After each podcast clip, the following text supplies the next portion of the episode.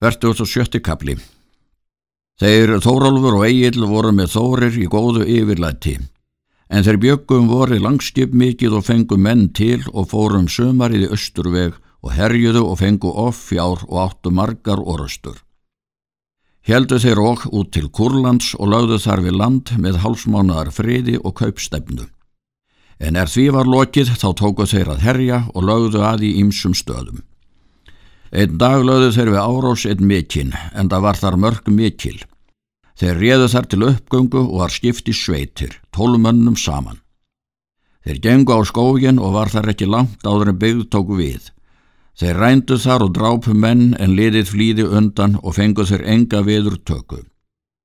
En er áleið dægin létt Þórólfur blása liðinu til ofangöngu. Snýrum menn þá aftur á skógin þar sem þá voru stattir en svo fremi mátti kanna liðið þeir komið til strandar. En er Þórólfur var ofan komin var eigið leigi komin en þá tók að myrkva af nóttu og þóttust þeir eigi meg að leita hans. Egil hefði gengið yfir skógin og tólmenn með honum og sáu þeir þá sléttur miklar og byggðir.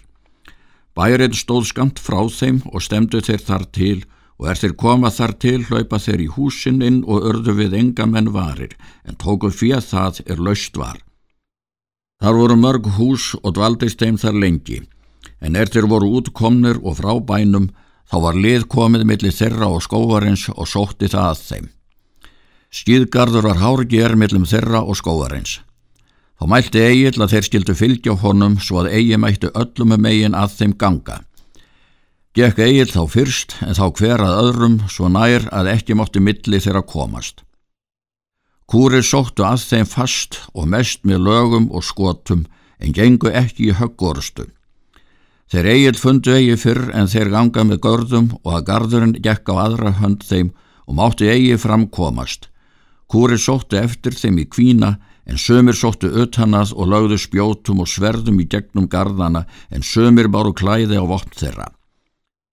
Örðu þeir sárir og því næst handteknir og allir bundnir, leitir svo heim til bæjarins. Maður sá er bæðan átti var ríkur og auðugur. Hann átti són roskin. Síðan var umrætt hvað við þá skildi gera. Saði bondi að honu þótti það ráð að drepin væri hver á fætur öðrum. Bondason sagði að þá gerði myrkt á nóttu og mætti þá enga skemmtun af hafa að kvelja þá. Bað hann láta býða morguns var þeim þá skotið í húseitt og bundnir ramlega.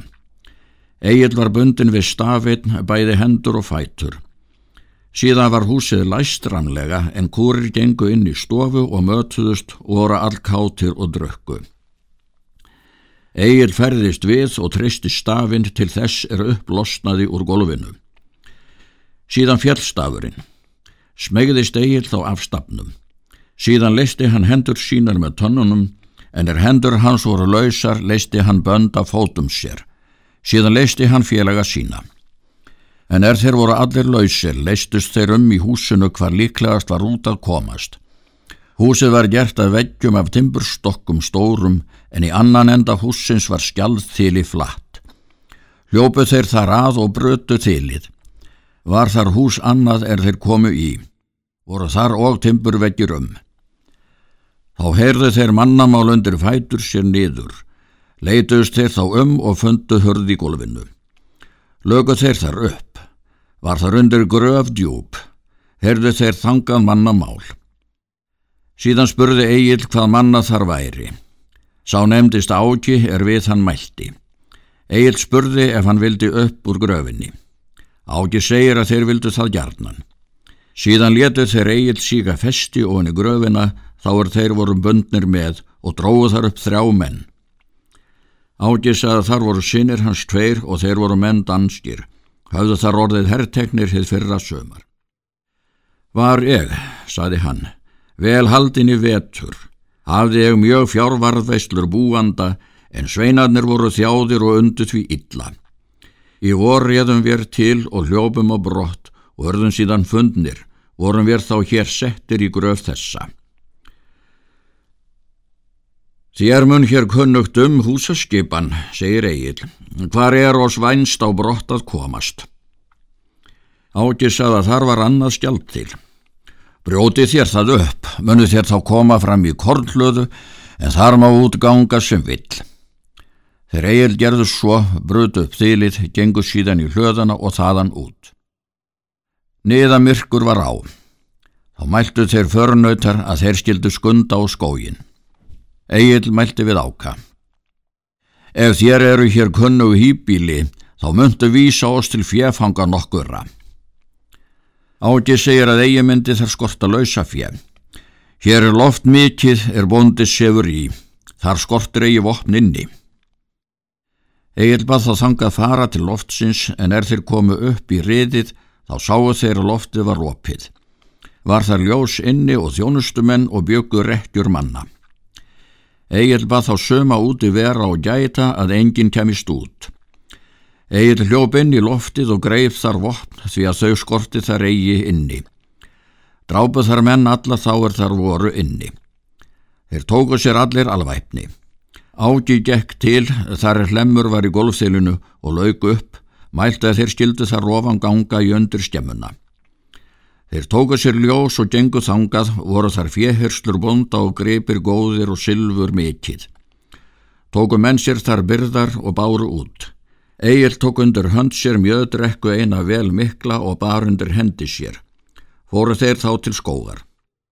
En er þeir komið í skógin þá nama Egil staðar og mælti. Þessi ferð er all ill og eigi hermanleg. Við höfum stólið fyrir búnda svo hann veit eigi til, skal oss aldrei þá skömm henda. Förum nú aftur til bæjarins og látum þá vita hvað týtt er. Allir meldu því í mót, sögða þeir vildu fara til skipsins. Egil setur niður mjöðdrekkuna. Síðan hefur hann að rás og rann til bæjarins. En er hann kom heim til bæjarins þá sá hann að þjónustusveinar gengu frá eldaskála með skudildiska og báru inn í stofuna. Egil sá að í eldhúsinu var eldur mikill og kallar yfir, gekk hann þangað til. Þar höfðu verið stokkar stórir fluttir heim og svo eldargerðir sem að þar er siðvinja til, að eldin skal leggja í stokks endan og brennu svo stokkurinn.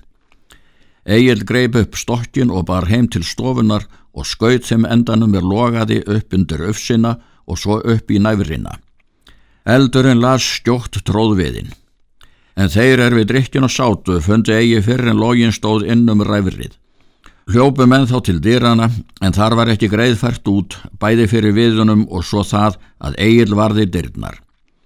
Feldi hann menn bæði dyrunum og úti fyrir dyrunum en það var svipstund ein áður stofan brann svo að hún fjell ofan. Týndist þar lið allt er þar var inni en Egil gekk aftur til skóarins, fann þar förnöta sína, fara þeir allir saman til skips.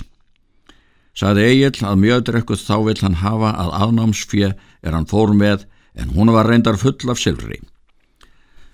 Þeir Þórólfur örðuf allfegnir er Egil kom ofan. Heldur þeir þegar frá landi er morgnaði. Og þeir feðgar voru í sveit Egils. Þeir syldu um sömariðir á leið til Danmerkur og lágu þar enn fyrir kaupskipum og rændu þar er þeir komust við.